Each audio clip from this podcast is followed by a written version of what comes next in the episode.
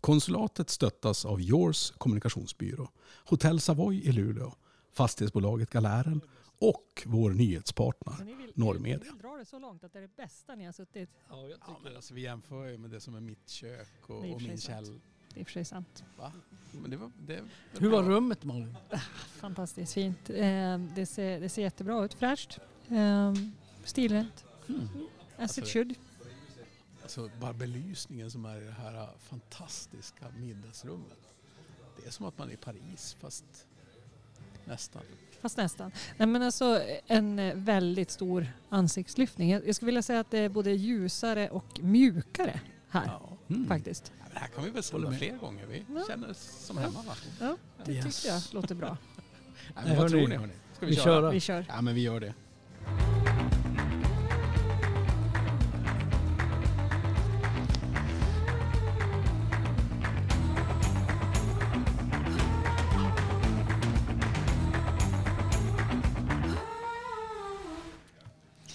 Välkommen till konsulatet. I, idag så sänder vi faktiskt från restaurangen på Hotell Savoy i Luleå. Och eh, vi ska prata lite hotell, vi ska prata lite mat och vi ska prata lite dryck. Men vi ska framförallt prata om eh, städerna i, i norra delen av landet här som, som fyller 400 år. Det är ganska, ganska många faktiskt som gör det. Eh, lämpligt nog. Så att eh, det, det händer mycket och det händer mycket i, i den här branschen där vi sitter just nu, det vill säga hotell och restaurang nu efter pandemin. Det börjar varva upp eh, även här på Savoy. Eller vad säger ni? Ja, Savoy är ju faktiskt en av Luleås klassiker. Jag minns som liten pojke att mamma sminkar sig för att hon ska gå ut på Savoy. På 1960-talet så var ju det här själva stället. Det var puben Smedjan, det var nattklubben El Toro.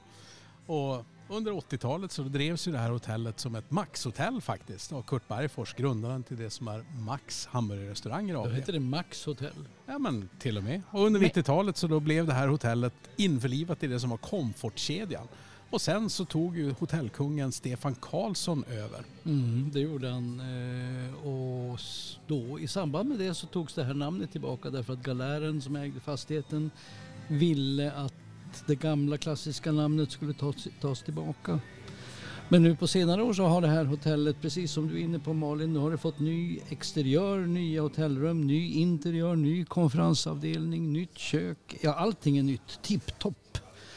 Ja, men vi har träffat lite folk här eh, nu under kvällen. Vi ska, vi ska få lyssna på hotelldirektören. Vi ska prata med eh, James som är kock här från, från Storbritannien och som, vad hans take är på, på eh, norrbottnisk mat. Kökschefen och sen ska vi prata med barchefen också. Precis. Så att, Joakim. Mm. ja. så att vi, vi, eh, ja, men vi har ganska, ganska späckat idag va? Ja men så är det. Ja. Det här är späckat. Ska vi börja med att lyssna på vad Helene Sundqvist säger? Det gör vi.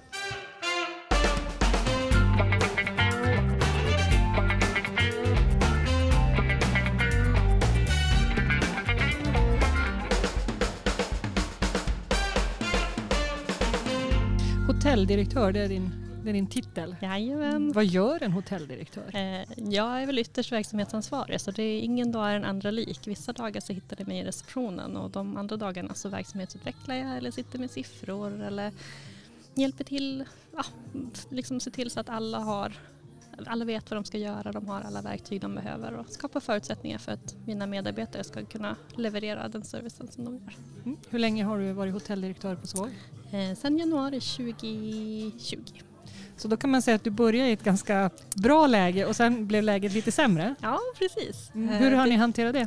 Det har, vi har ju lyxen att ha en ägare som, är, eh, ja, som tror på produkten och som är inne, satsar långsiktigt.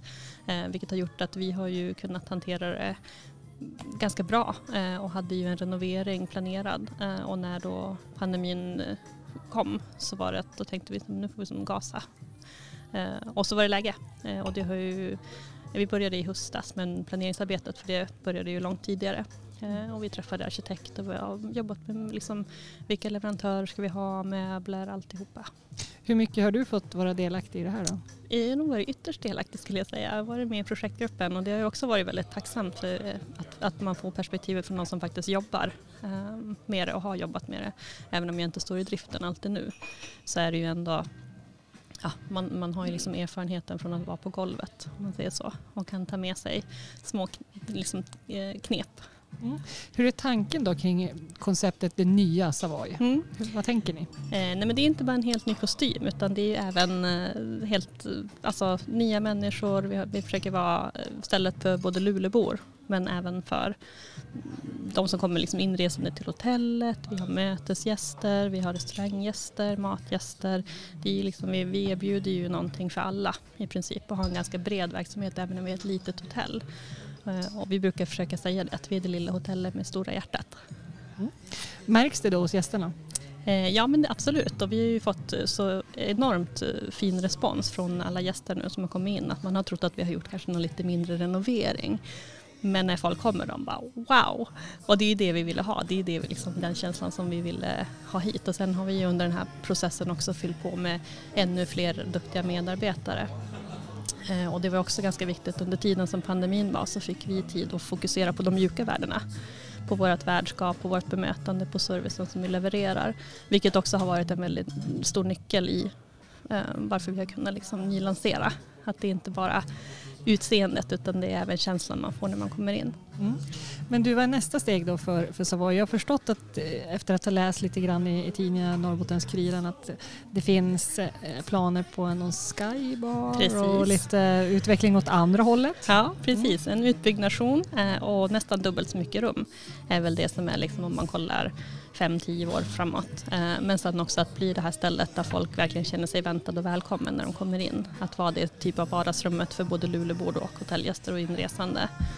Um, där folk samlas, möts, äter god mat, har härligt tillsammans. Lever den planen fortfarande? Jag tänker pandemin har ju förändrat lite grann våra, våra sätt om man säger att, både att resa men också att affärsmötas. Precis och jag, vi har ju egentligen, vi var ganska snabba på pucken när pandemin kom att ställa om i konferensen för att göra en mix av eh, möten när folk är på plats men även med via länk och jag tror att folk har ju fortfarande väldigt, folk vill ju fortfarande mötas, folk vill fortfarande umgås men man kommer göra det i lite andra konstellationer. Eh, och då har vi försökt anpassa och hitta någonting som passar liksom de grupperna som vi tänker eh, affärsresenären eller mötesgästerna. De tror jag fortfarande kommer ses men det kommer vara mindre grupper. Det kommer kanske vara mer fokus på kvalitet. Man kanske vill hitta på något roligt tillsammans. Man kanske vill eh, avsluta med en middag eller ha en eh, drinkskola med våran bartender eller göra något annat roligt tillsammans eh, i avslutning. Så jag tror att det blir Folk kommer fortfarande träffas och mötas men bara på lite annorlunda sätt. Och nu tror jag att folk längtar ju verkligen. Man längtar ju så otroligt mycket även själv efter att få gå ut och bara få vara, eh, umgås, äta god mat, eh, sitta och prata. Vad är du mest stolt över när det gäller den här renoveringen och er ny, nylanseringen, vad man ska Oj. kalla det för? Eh, mest stolt över? Dels ska jag säga personalen och den resan som vi har gjort faktiskt liksom internt med, med hur vi jobbar tillsammans. Vi har ett internt mantra som heter Happy som vi försöker jobba utifrån där vi försöker liksom skapa den typen av arbetsplats som man vill jobba på. Eh, men sen eh, hur fint det alltså den här wow-faktorn ska man inte sticka under stol med att det har blivit en helt ny restaurang. Eh, så att de två grejerna, personalen och hur fint det har blivit. Mm.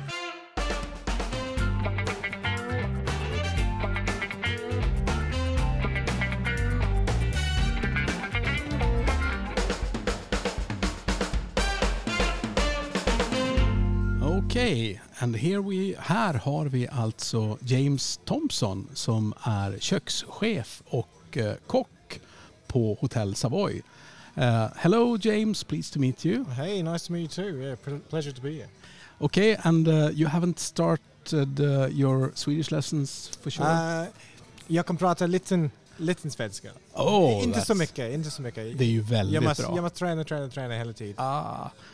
I hear that it's kind of difficult to learn Swedish since Swedish speakers often prefer prefer to switch to English. Yeah, it can, it can be. It, it's fun, you know. When, when I when I do speak with uh, a lot of Swedes and, and uh, you know I'll sit down at the table with them maybe and talk a little bit. Uh, you can kind of see the the joy sometimes of them trying to speak Swedish, uh, sorry English with me. So it's super fun Ah, uh, and and working a lot. You know, I'm I'm in the kitchen can be up to like 12 hours a day, so it can be tough to kind of get out there and, and, and speak with people. So. how come you, that you decided to to move to Luleå? Oh, I think if you speak to a lot of people from uh, around Europe that end up in, in Sweden, it's normally uh, w- with love. Oh, Uh, yeah, exactly. There was there was a, a Swedish uh, woman that I met um, back in the UK, and then uh, I ended up just kind of coming over here, and and that was that. She needed to come back to Sweden. Uh, I'm I'm fairly well travelled myself. I've travelled around most of Europe. Uh, spent a lot of time in Australia.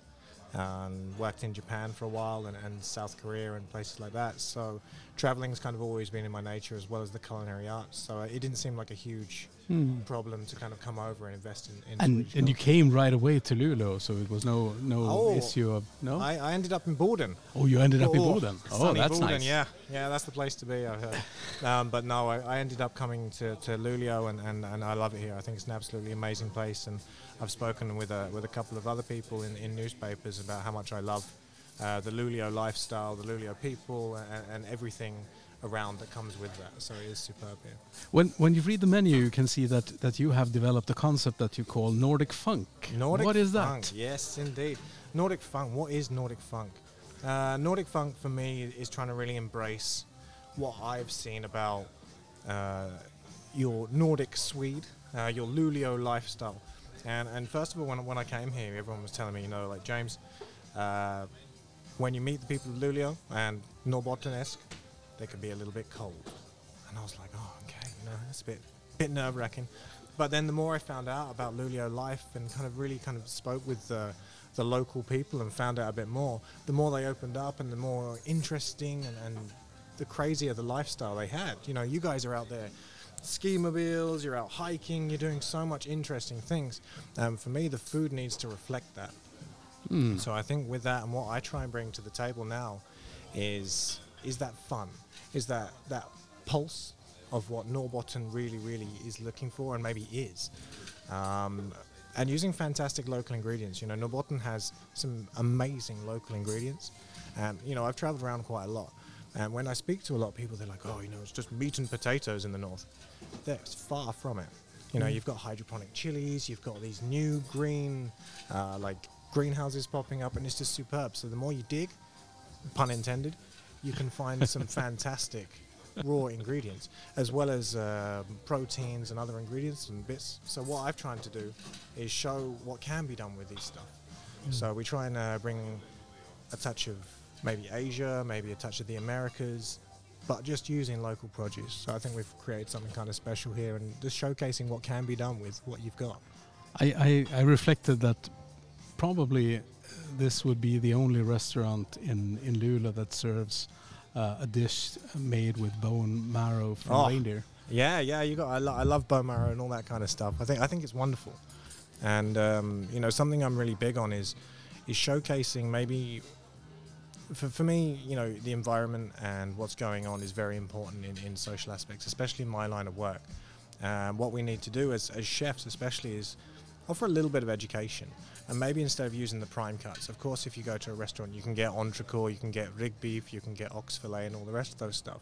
So why not try and do something else? You know, you can, you guys up here, you can cook some amazing meat. I've, I've been to some, some local people's houses, and, and you guys can can grill up a, a great rig beef or great ox fillet. So why am I going to do that?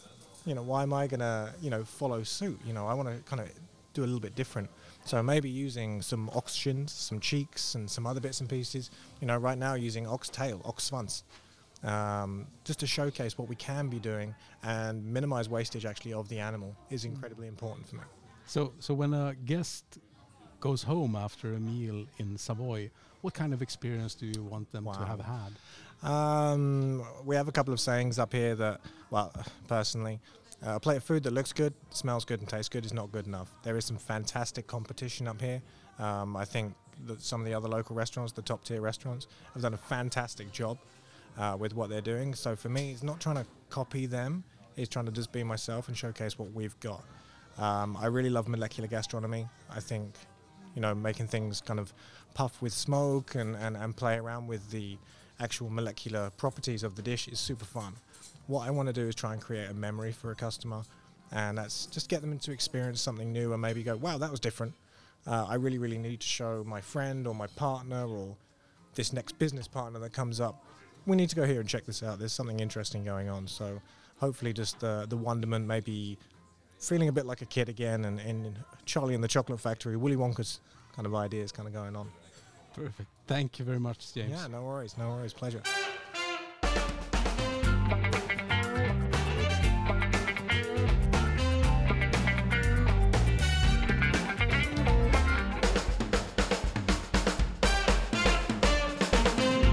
Står här vid bardisken med Joakim Johansson. Hej! Hej! Kalixbo är du också. Ja, stämmer bra det. Men nu har du hamnat på Savoy i Luleå, i baren. Yes. Hörru, eh, alltså när, när folk kommer in och beställer någonting i baren att dricka, vad är det vi norrbottningar eh, vill ha? Det är ju mycket i grunden groggar och bärs skulle jag säga. Pajala Sunrise och sånt där? Ja, någon gång har det hänt men in, inte här än så länge. Hörru, eh, du har ju tagit fram en helt ny drinklista för sommaren. Ja, Eh, jag är ju sådär så att när jag kommer till en bar då tar jag ofta en GT. ja det är en Eh, klassiker. Vad säger du då? Absolut. Men vi har ju en som heter Kvällens GT som vi kör premium gin, premium tonics. Byter vi ut olika smaker på, på tonicen och så har vi färska råvaror i Okej. beroende på vilken det kan vara. Men om jag inte, om du skulle, om du skulle våga dig på mig och, och liksom säga nej det här ska du ha istället, vad, vad tycker du jag ska dricka då? Jag tycker du ska testa Summer Rye. Eh, Summer. Gin, en ginbaserad drink som vi, vi har tagit fram. Som innehåller gin, eh, juice och likör, eh, gurksockerlag, citronjuice. Och sen har vi gjort ett skum på toppen av drinken som är gjord av basilika och kokos.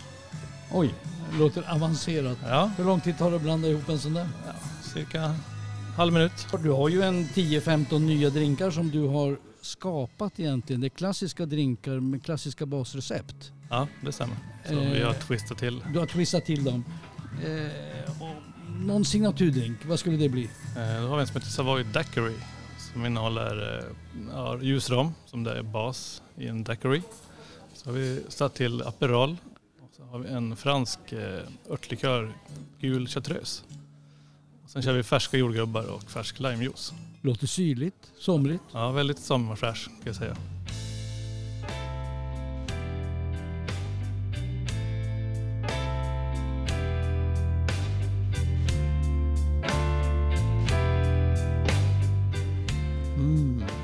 Savoy Dakiri, signaturdrink, det känns ju väldigt, väldigt gott. Den ska vi prova efter det här. Ja, för det är ju lite grann så att vi sitter vid ett dukat bord. Vi ska ju nämligen testa det som är Savoys nya meny. Mm, Men vi ska också, spännande. vi ska också, ja men visst. Men vi ska prata lite grann om det som är jubileum. Mm. För det är ju inte bara ett 100 år eller 200 år utan det är 400 år. Piteå, Tornio, Luleå fyller 400 år i år. Det är jättelänge. 400 år, det är jättelänge. Jag tycker inte det. Alltså, Gör du inte det? Nej, alltså om man tittar på Birka och sådana här städer, de är ju flera tusen år gamla. Alltså 400 år, det är ju som en, vad säger man, piss i Mississippi. Spott. Spott, i Luleå. Men jag tänker, alltså, för, alltså, jag tycker 10 år. Alltså om man tänker på vad som har hänt i ens liv på 10 år och så tänker man 400. Det är ju en evighet. Svinlänge. Ja, precis. Ja, faktiskt. Men det är klart att, att tittar man på det som, är, det som är Luleå så har det ju varit en, en resa som har varit lite långsam. Start som en sjöfartsstad i Hansan tillsammans med Torneå. Mm. Tor, precis, Tornio var ju en del av Sverige Ja, när det begav sig 1621 och de fick precis. statsrättigheter. Men den stan förlorade vi ju 1809 när vi förlorade kriget Mm. mot ryssarna. Vi fick Haparanda istället vilket ju också är fint. Inte fel, inte fel. Men, men vad är er relation till Torne idag? Jag har en jättebra relation till Torne. Jag åker nog till Torne minst en gång i månaden. F- förutom nu under pandemin. Vad gör du en gång i månaden i Torne? Eh, jag spelar golf där. De Ja, har, Ah. en, de har en jättefin golfbana. Du ser. ja just Visste det. inte det. Nej, Jag, jag hade en del Det är att där göra. man spelar eh, över, Över, Sverige-Finland. ah, I, I båda länderna. Just det. Nej, men det, är ju, det är ju så att vårat, vårat grannlän till Norrbotten, eh, Lappi län, där, där, de är ju indelade i flera sorters sektioner. Och Torne och Kemi är ju som delen i det de kallar för Merituntori, nej förlåt, nej Tuntori, hör ni? Merilappi Ja. som ju är kopplingen till, till havet. Och det är klart att där finns ju de här industrikopplingarna som hänger ihop mellan kanske det som är Norrbottens län och Lapplands län. Det var en sätt. en liten kul felsägning där. Alltså, Ja, ja, det, det blir ju som havs, havsfjäll. havsfjället. Jag menar, alltså, alla som kan finska kommer ju reta ihjäl mig efter det här. Jag tycker det är stort av det att svänga dig med finska rent generellt faktiskt. Ja, de som kan finska tycker ju inte att jag är så bra på att svänga mig på finska. De tycker inte det. Men Peter då? Vad säger ni om Peter? Ja, Pite. 400 eh, år? 400 år Vad av patriotism. Det är det jag tänker på. Alltid Ja. när jag tänker på Pite. Att Mm. man är, man är lokalpatrioter. ja, men det är ju lite Piteandan får man väl säga på, på framförallt gott. Men, men det är klart att uh, Piteandan blir ju också en väldigt en sån här eh, lokal markör någonstans. Och jag har ju funderat om den är ny eller gammal eller Ja, det kan man fråga sig. Alltså, eh, det finns ju ett berömt brev från 1600-talet, några år efter att Luleå och Piteå hade blivit städer. Där borgarna i Piteå skrev till regeringen och begärde att Luleå skulle ödeläggas. Just det. Och vad sa vi? Vilket år var det? Var det Storheden när man skulle bygga det som var Obs stormarknad? Och... Nej, men jag tror, att, jag, jag tror att det var problem med handeln. Alltså Mm. Luleå, Luleå tog för mycket av, av sjöfartshandeln. Det. Eh, och det där var inte så lyckat för Piteborna som inte tyckte att den här, de här stadsrättigheterna gav så mycket som man hade hoppats på. Ah. Men jag tänker också att, att man har lyckats väldigt bra med att alltså etablera, man säger Pitebon i Sverige. Mm. Alltså, Exakt. alltså Pitebon är som någonting. Nej, men Pite, du har helt rätt. Alltså Pitebon och Gnosjöandan, Ja. det är sådana här jätteetablerade grejer i den svenska. Det är ju ingen som funderar på Myllan. Lulebor eller på densare eller något sånt. Utan Nej, alltså en. Pitebo, Ja. det är en... Jo, men Ja. det, det, är väl lite, det är väl lite kopplingar. Jag, menar, jag, jag har ju båda mina föräldrar, bägge mina föräldrar kommer ju från, från Piteå. Mamma från Arnemark och pappa från, från Hemlunda. Och det, det är klart att man märker ju att Piteå fortfarande har så här att jaha, just det, och vem är mamma din då? Eller vem är pappa Mm. din? Det, det hittar man ju inte i Luleå. Jo då. Om du, det? om du jobbar lite norr om, om eh, centrumkärnan, om du går till norrbyarna, jag tror även kanske Ja, men är, inte det Råneå kommun? nej, nej, nej, nej, nu tycker jag du svänger dig med obehagliga saker här faktiskt. Nej då, det är Luleå kommun, vi är väldigt noggranna med detta. vi slogs Men ihop där någonstans i, i sent 60-tal. Ja. Men, Men hörni, får jag kasta in en grej här? Alltså, Luleå 400 år. Vad tycker ni att Luleå har lyckats med under de här 400 åren? ja, jag tycker att man har, har lyckats ändå någonstans att, att förflytta stan lite grann från att vara stålverk, hamn, ja, lite sånt, till att, till att få en liten men vi har blivit lite mer av en kulturstad. Eh, bygget av Kulturhuset har också gjort att man har öppnat upp, tycker jag, kulturen för fler människor.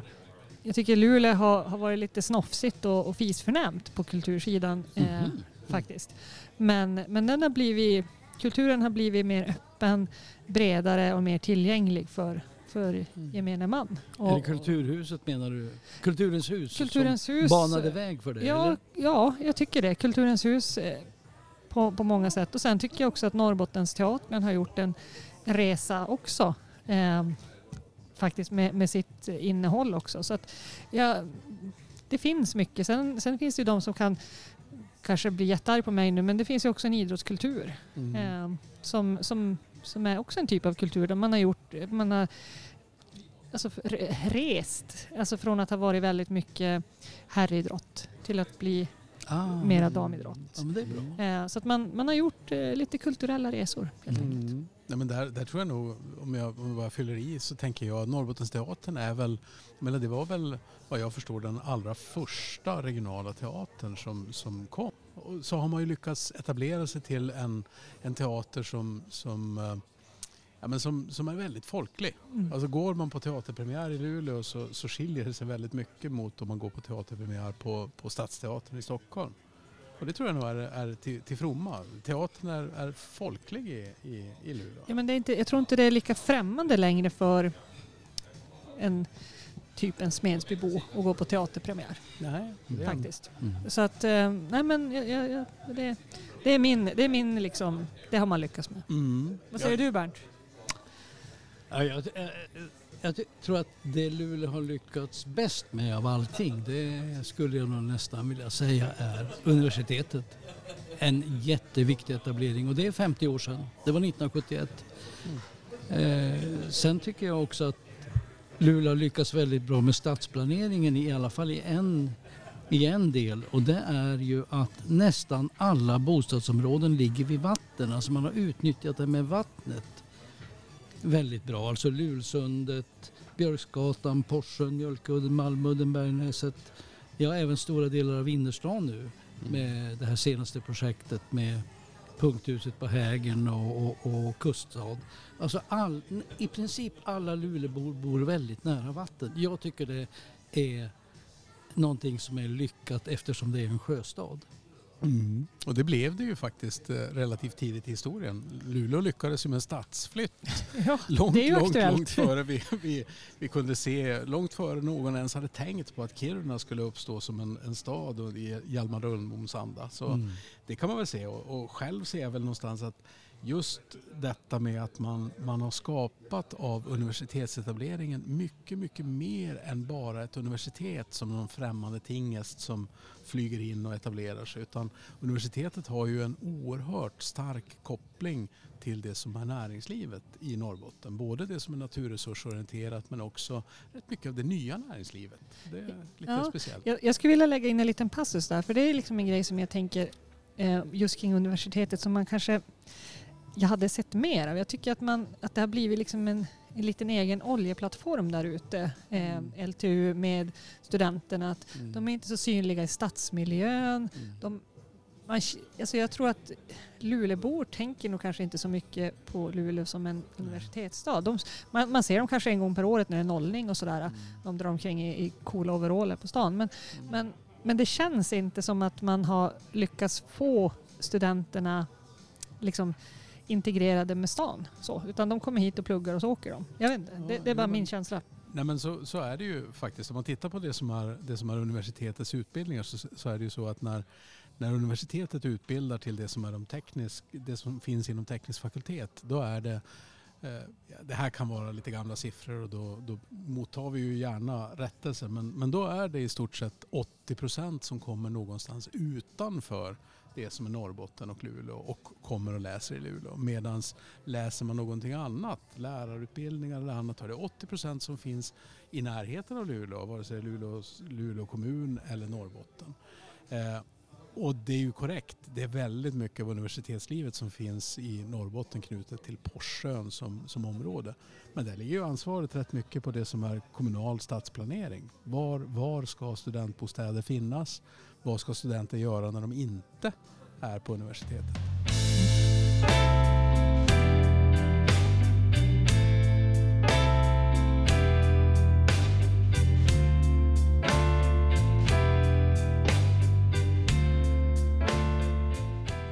Ja, men det var ju bra saker alltihopa.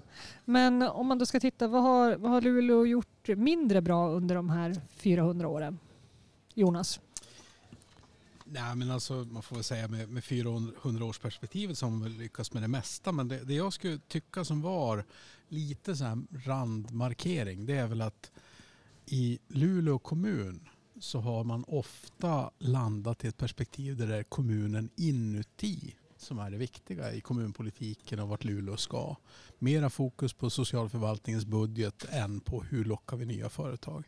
Det är väl en sak. En annan, en annan del är väl, är väl detta med bostadsbyggandet. Alltså om det är så att man gör en massa roliga saker. Vi sprättar pengar på att göra ett kulturhus och vi vill att saker och ting ska bli jättebra. Om det inte dyker upp nya bostäder samtidigt då är det ju bara för oss som redan är Luleåbor som gör de här. Så det tänker jag väl är lite för mycket introvert fokus om man ska vara sån. Mm. Mm. Bernt? Ja, jag tänker, eh, tänker på befolkningsutvecklingen. Alltså, det tycker jag Luleå har misslyckats med. Alltså de städer som växer mest, det är ju ofta universitetsstäder. Och vi har ju pratat om det tidigare. Alltså Luleå är ju det sedan 1971, sedan 50 år tillbaka i tiden. Men jag roar mig med att titta på lite siffror. Alltså det här har inte funkat i Luleå. Därför att vi hade 1971 när universitetet etablerades, då hade vi 60 000 invånare. Och nu är vi 18 500 fler. Är ni På, med? på 50 år. Ja, är ni med? Mm. Och Umeå, de har plussat med 60 000 invånare under samma år. Mm. Och skulle man jämföra de här så kan man säga så här att Umeå har ökat med drygt 1000 personer om året. Luleå har under den här tiden sedan vi fick universitetet plussat med ungefär 300 personer om året. Mm. All right. Eh, det är ganska stor skillnad. Men då, tror jag, då roar jag mig med att kolla Uleåborg som är vår närmaste storstad egentligen. Där det numera bor 185 000 invånare i tätorten. Det bor ju långt över 200 000 i Uleåborgs kommun. Men Uleåborg har sedan 1971 ökat med 100 000 invånare. Alltså det, vi snackar ungefär om två tusen personer mer om året. Mm. Alltså där har man lyckats. Och här har Luleå misslyckats. Alltså jag, jag undrar lite grann, eh, som du var inne på förut Malin, jag, jag undrar ju lite grann, alltså varför har universitetet inte hjälpt till att generera fler invånare? Eller är frågan kanske till och med felställd? Är det inte universitetets fel? Men, men eh, man hade väl kanske hoppats på mer, eller hur? Mm, absolut. Jag håller med. Eh, jag... Eh, det är ju, alltså man, man ska prata misslyckande men det är ju inte så roligt så. Men, men en sak som jag tycker man har misslyckats med i, i Luleå det är att ta tillvara på, på landsbygden. Eh, man, eh, man har inte sett, eller man ser fortfarande inte eh, kraften hos landsbygden. Man ser inte heller att det finns faktiskt människor som vill bo utanför stadskärnan. Som, som inte vill bo i ett radhus på Björksgatan även om det är jättefint. Men det finns människor som vill bo utanför, utanför Luleå stadsgräns. Och det måste man kunna göra på ett värdigt och vettigt sätt. Eh, det måste finnas en, en infrastruktur, det måste finnas service, det måste finnas eh, skolor, det måste finnas, allting måste finnas. Eh, och det har man, ja, man har misslyckats med det. Alltså jag, läste ju, jag läste ju en grej av en någon universitetsprofessor, jag tror han är från Umeå, alltså som pratar om naturresursernas förbannelse. Alltså att vi i Norrbotten, vi har litat så mycket på vattenkraften, malmen, skogen och basindustrierna. Att vi inte har brytt oss om och planera för tillväxt i, i, i städerna. Men om man tittar på till exempel Västerbotten, där har man ju fått, som vi nämnde nyss, en väldigt bra tillväxt i till exempel Umeå. Men det har inte skett på landsbygdens bekostnad. Och det är ju lite grann så, tror jag, när det gäller Luleå, att städer som Luleå kan snart inte växa mer på landsbygdens bekostnad. Alltså det finns inga som kan eller vill flytta in längre från Övertorneå, Vidsel och, och, och vad det nu är. Utan vi måste som Umeå se till att vi får folk som flyttar hit från riket eller från utlandet. Ja, det, utan att det ja. sker på landsbygdens bekostnad. Är ni med? Ja, men titta, tittar vi då på Västerbotten som jag har ju haft glädjen att jobba i nu i sex och ett halvt års tid så, så finns det ju en skillnad kopplat till kommunstruktur och det är ju det att Umeå eh, är ju Trots att det finns landsbygd i Umeå, det ska vi vara medvetna om. Det är ju till och med Holmön där man måste åka färja där det har funnits lite problem här under senare tid. Men Umeå har ju små kranskommuner runt omkring sig.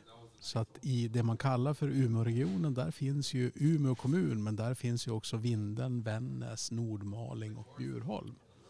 Mm. Så att där ser man ju att det finns, ja Robertsfors också, Robertsfors ligger ju precis mittemellan Skellefteå och Umeå. Men, men där har man ju en, en kommunstruktur där bebyggelsen finns ofta i en egen kommun. Men är, är det så att man i Luleå har blivit lite för tänd på urbaniseringen?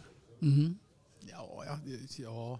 Alltså jag, jag tror att det är på det här sättet att man ofta så, så tror man att det bara finns en lösning för att en kommun ska växa.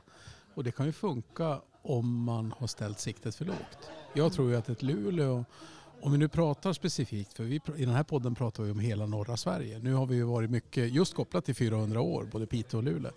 Mm. Torneå är ju finskt gubevars så att vi har inte riktigt täckt den delen än ifrån vårt konsulat.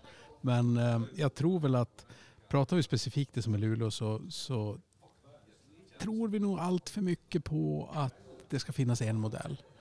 Inte att vi måste växa på alla ställen. Både, Umeå, både Luleås norrbyar och sörbyar och, och alla delar behöver växa för att Luleå ska bli en komplett kommun. Ja, men och attraktiv att bo i. Mm. Alltså, för som sagt var, många av de som, som flyttar in kanske inte nödvändigtvis vill bosätta sig i centrala Luleå. Man kanske letar efter livskvalitet på ett annat sätt. Och, och då, för mig innefattar ju begreppet livskvalitet ganska många bitar. Mm. Ja, men det, det man tittar på, om, om, om vi tar Bernts exempel. Jag, jag tror att den forskare du tänker på, han heter Lars Westin, är eh, professor emeritus numera i nationalekonomi vid Okej. Umeå universitet. Mm. Han brukar ju räkna det som är tillväxt i fastighetsvärden som ett mått på vad är det för någonting som, som mäter det som är ekonomisk utveckling. Och när han har föredragit saker och med risk för att jag missuppfattar det där så tittar han på Luleå och Sundsvall som exempel på städer som har stagnerat. Mm. Alltså de, de såg sin, sin höjdpunkt och så sen så står det still. Jo, men Norrbotten och Västernorrland som du är Mm. inne på nu, där finns det klara paralleller. Jo, nej men och, och här, här fanns ju Skellefteå kvar i, i, får man säga, jag menar när det som hette bostadsakuten, det låter ju jättekonstigt därför att det, då för tiden så gick det ut på att vi skulle riva lägenheter. Ska man inrätta en bostadsakut nu? Nu vet vi att en regering precis har fallit som följd av att man, man diskuterat frågeställningen punkt 44 i januariöverenskommelsen. Ja men precis, som, som då skulle handla om fri hyressättning i det som var nyproducerade hyreslägenheter. Mm, alltså det, det känns som att det växlar. Skellefteå har ju varit, eh, får man säga, förutsägbart. Och så sen helt plötsligt så bestämde sig Skellefteå själv för att bygga kulturhus, investera och så har vi Northvolt. Så att det finns ju mycket potential. Och nu har vi Boden. Ja. Just det. Där, där man också har rivit bostadshus. Exakt, det var en del av bostadsakuten och nu har vi H2 och precis så har Luleå och Boden tecknat en sorts samarbetsöverenskommelse om att man ska tycka om varandra och samarbeta och det känns ju... Och då, och då, säger, och då säger vi lycka till. Ja, det känns jättebra. Men alltså när vi är inne på det här, alltså eh, är det inte så att Luleå och Boden, eh, här har vi stålstaden och så har vi den nya vätgasstaden Boden. Kan man säga så? Mm. Det är ganska bra va? Alltså, eh, det är många som har varit inne på det tidigare men jag är en stark förespråkare av att Luleå och Boden ska slå ihop sina påsar. Jag Ja. är en väldigt stark förespråkare av det därför att jag tror att det skulle ge både Luleå och Boden en mycket, mycket bättre förutsättning för en riktigt offensiv tillväxtstrategi. Alltså Luleå har ju nästan misslyckats med tillväxt under de här åren. Är ni med? Ja, jag är med och jag undrar bara, vad, vad tycker du? Ska den heta Bodens kommun eller Luleå kommun? Nej, alltså, här, Eller ska vi, ska vi pimpa dem som varumärken? Nej, grejen är ju att när man, när man diskuterar att slå ihop kommuner då brukar ju sådana kommunsammanslagningar de brukar ju alltid stupa på namnfrågan, Ja, inte på. Nej, Nej. Och jag, jag tror att den här kommunen kan heta Boden-Luleå. Boden-Luleå. Jag kan Kommer den det. Ska, ska Boden då stå före Luleå menar du? Det är inte Luleå-Boden. Ja, Ja, men Inte jag, Luleå. jag försökte vara lite generös. ja, ja, ja. Gentemot vem? Mot bodensarna Jaha. så att de hoppar på det här tåget. Ja. Nej, men jag, jag tror att det, det, det som är så spännande när man pratar om kommunsammanslagningar det är ju att, att eh, väldigt många stadsplanerare, många från näringslivet, många högre politiker, tjänstemän tycker att det är jättebra. Det är bara det att väljarna tycker inte det de, de flesta folkomröstningar som har skett, undantaget skolfrågor, det har varit om att dela kommuner, inte att slå ihop dem. Och slår man ihop dem då röstar man alltid för nej. Alltså, här har politikerna en uppgift tycker jag, både i Luleå och Boden, att ta ansvar för den här frågan och driva den här frågan i så fall. Så att vi som är bara väljare begriper varför det här är bra. Därför tänk så mycket kostnader vi kan spara genom att samutnyttja väldigt mycket mellan Luleå och Boden. Samtidigt som vi kan ta en riktig tillväxtstrategi för de här kommunerna. Jag tror det vore helt rätt. Mm, Jag är kanske lite cyniker där och tänker att varenda gång man har försökt peka på någonting att samordning kan ge något, vare sig det är landsting eller något annat, så brukar alla medborgare säga nej, det vill vi inte. Får vi se. Vad tycker du Malin? Ja, Du står som neutral här. jag, jag känner mig som Schweiz. Eh, nej men jag... ehm, jag vet inte vad jag ska säga. Jag, eh, jag ser liksom inte hur det ska kunna hända. Jag tycker det är en skitbra idé och givetvis är det ju det rätta. Nu har jag beställt in en 400 års meny här så kan vi inte börja äta Ja. på 400 års menyn? Ja, men det gör vi. Vi gör det. Och vi- snackar vi lite mer sen. Ja. Tapioca-chips, eh, stärkelse från kassavplantan från Sydamerika och lite räka i sig. Så är det ett eh, infuserad lax med ingefära, lite granatäppel, eh, citronaioli, rädisa. Mm, massa gott. Och det här, eh, det här är risotto. Precis, och då har ni lite inlagd fänkål, pecorino, fårost och så har ni granatäppelsfärer. Det ser jättebra ut. Vad är det för någonting jag har då? Jo, det är samma. Du och jag har likadant. Ni har risotto. Precis, spännande. Hoppas ni smakar på det. Mm, tack! Tack så mycket. Nej, vi har ingenting att dricka. Vi tar gärna en till sån där tror jag. Visst var vi överens om det? Ja,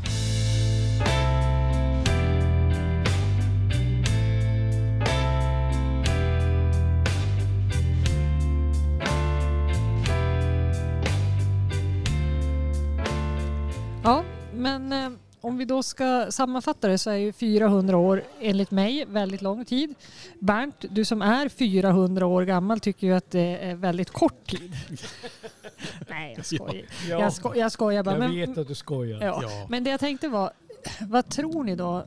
Om vi, alltså 400 år framåt, det behöver vi inte ens spana. Men vi säger, om vi spanar 10 år, hur ser Luleå ut då? Bernt? Ja, det vet jag tusan. Alltså, jag, jag tänker så här att Luleå fanns i 300 år utan att det hände i princip något. Mm.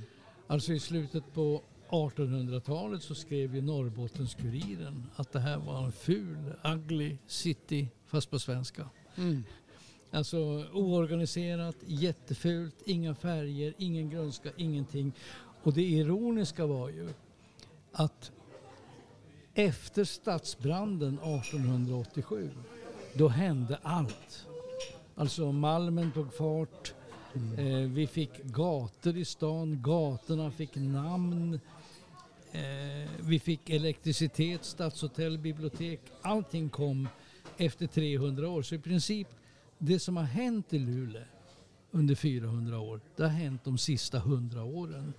Eh, och, och vad ska då hända de närmaste tio åren säger du?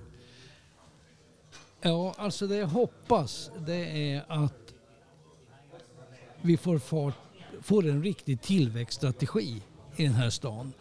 Så att det börjar hända någonting. Vi, vi kan inte liksom utvecklas om vi tittar framåt med 300 eh, nya invånare varje år i snitt. Utan vi måste bli 1000, 2000 nya invånare. Men låt mig hoppas då att vi om 10 år är 90 000 invånare. Och det är en jäkla förhoppning, jag vet det. Men låt oss hoppas det. Eh, och låt oss hoppas att Luleå-Boden har blivit en kommun. Som heter vad Jonas? Nej, men jag tror inte att Luleå och Boden kommer att bli samma kommun faktiskt. Eh, Jag, jag tror att eh, nu står alla de större kommunerna som är föremål för, för omvandling i denna gröna omställning. Nu är det vägval. Antingen så lyckas man, och det måste man göra själv. Då lyckas man göra sig så attraktiv så att människor kommer att vilja flytta hit, inte bara jobba här. Och om Luleå, och om, eh, om Luleå lyckas med det, om Piteå lyckas med det, om andra kommuner som nu har möjligheten lyckas med det, ja men då tror jag att vi kommer att ha växande befolkning och en möjlighet att kunna göra någonting. Är det så att vi inte lyckas ta den chansen, ja men då kommer ju människor att trivas fast någon annanstans. Vad tror du Malin? Mm. Om tio år, ja. Nej, men då, då har vi väl en eh, fossilfri ståltillverkning i Boden. Mm. Eh, vi kanske är eh, en region på riktigt. Kanske inte en kommun, men vi är en, en bra Luleå-Boden-region där vi inte bråkar med varandra om nyinvesteringar eller VM-rally eller vad det nu må vara, utan vi är eniga. Hur tror Eh, du det går med landsbygden då? Tyvärr. Alltså jag, jag, jag är ledsen, men jag tror tyvärr inte att, att det ligger för Luleå kommun att satsa på det. Jag Mm. hoppas att jag har... Jag, jag, jag, jag skulle så gärna ha fel. För, Ja. för att jag, jag, jag är Smedsbybo i, i, i själen och är uppväxt på, på landsbygden och med allt fint som kommer med det. Eh, så jag hade gärna velat se att fler barn och ungdomar får, får möjligheten att göra det och sen kanske bosätta sig i Engelsbyn eller Sundom eller Alvik.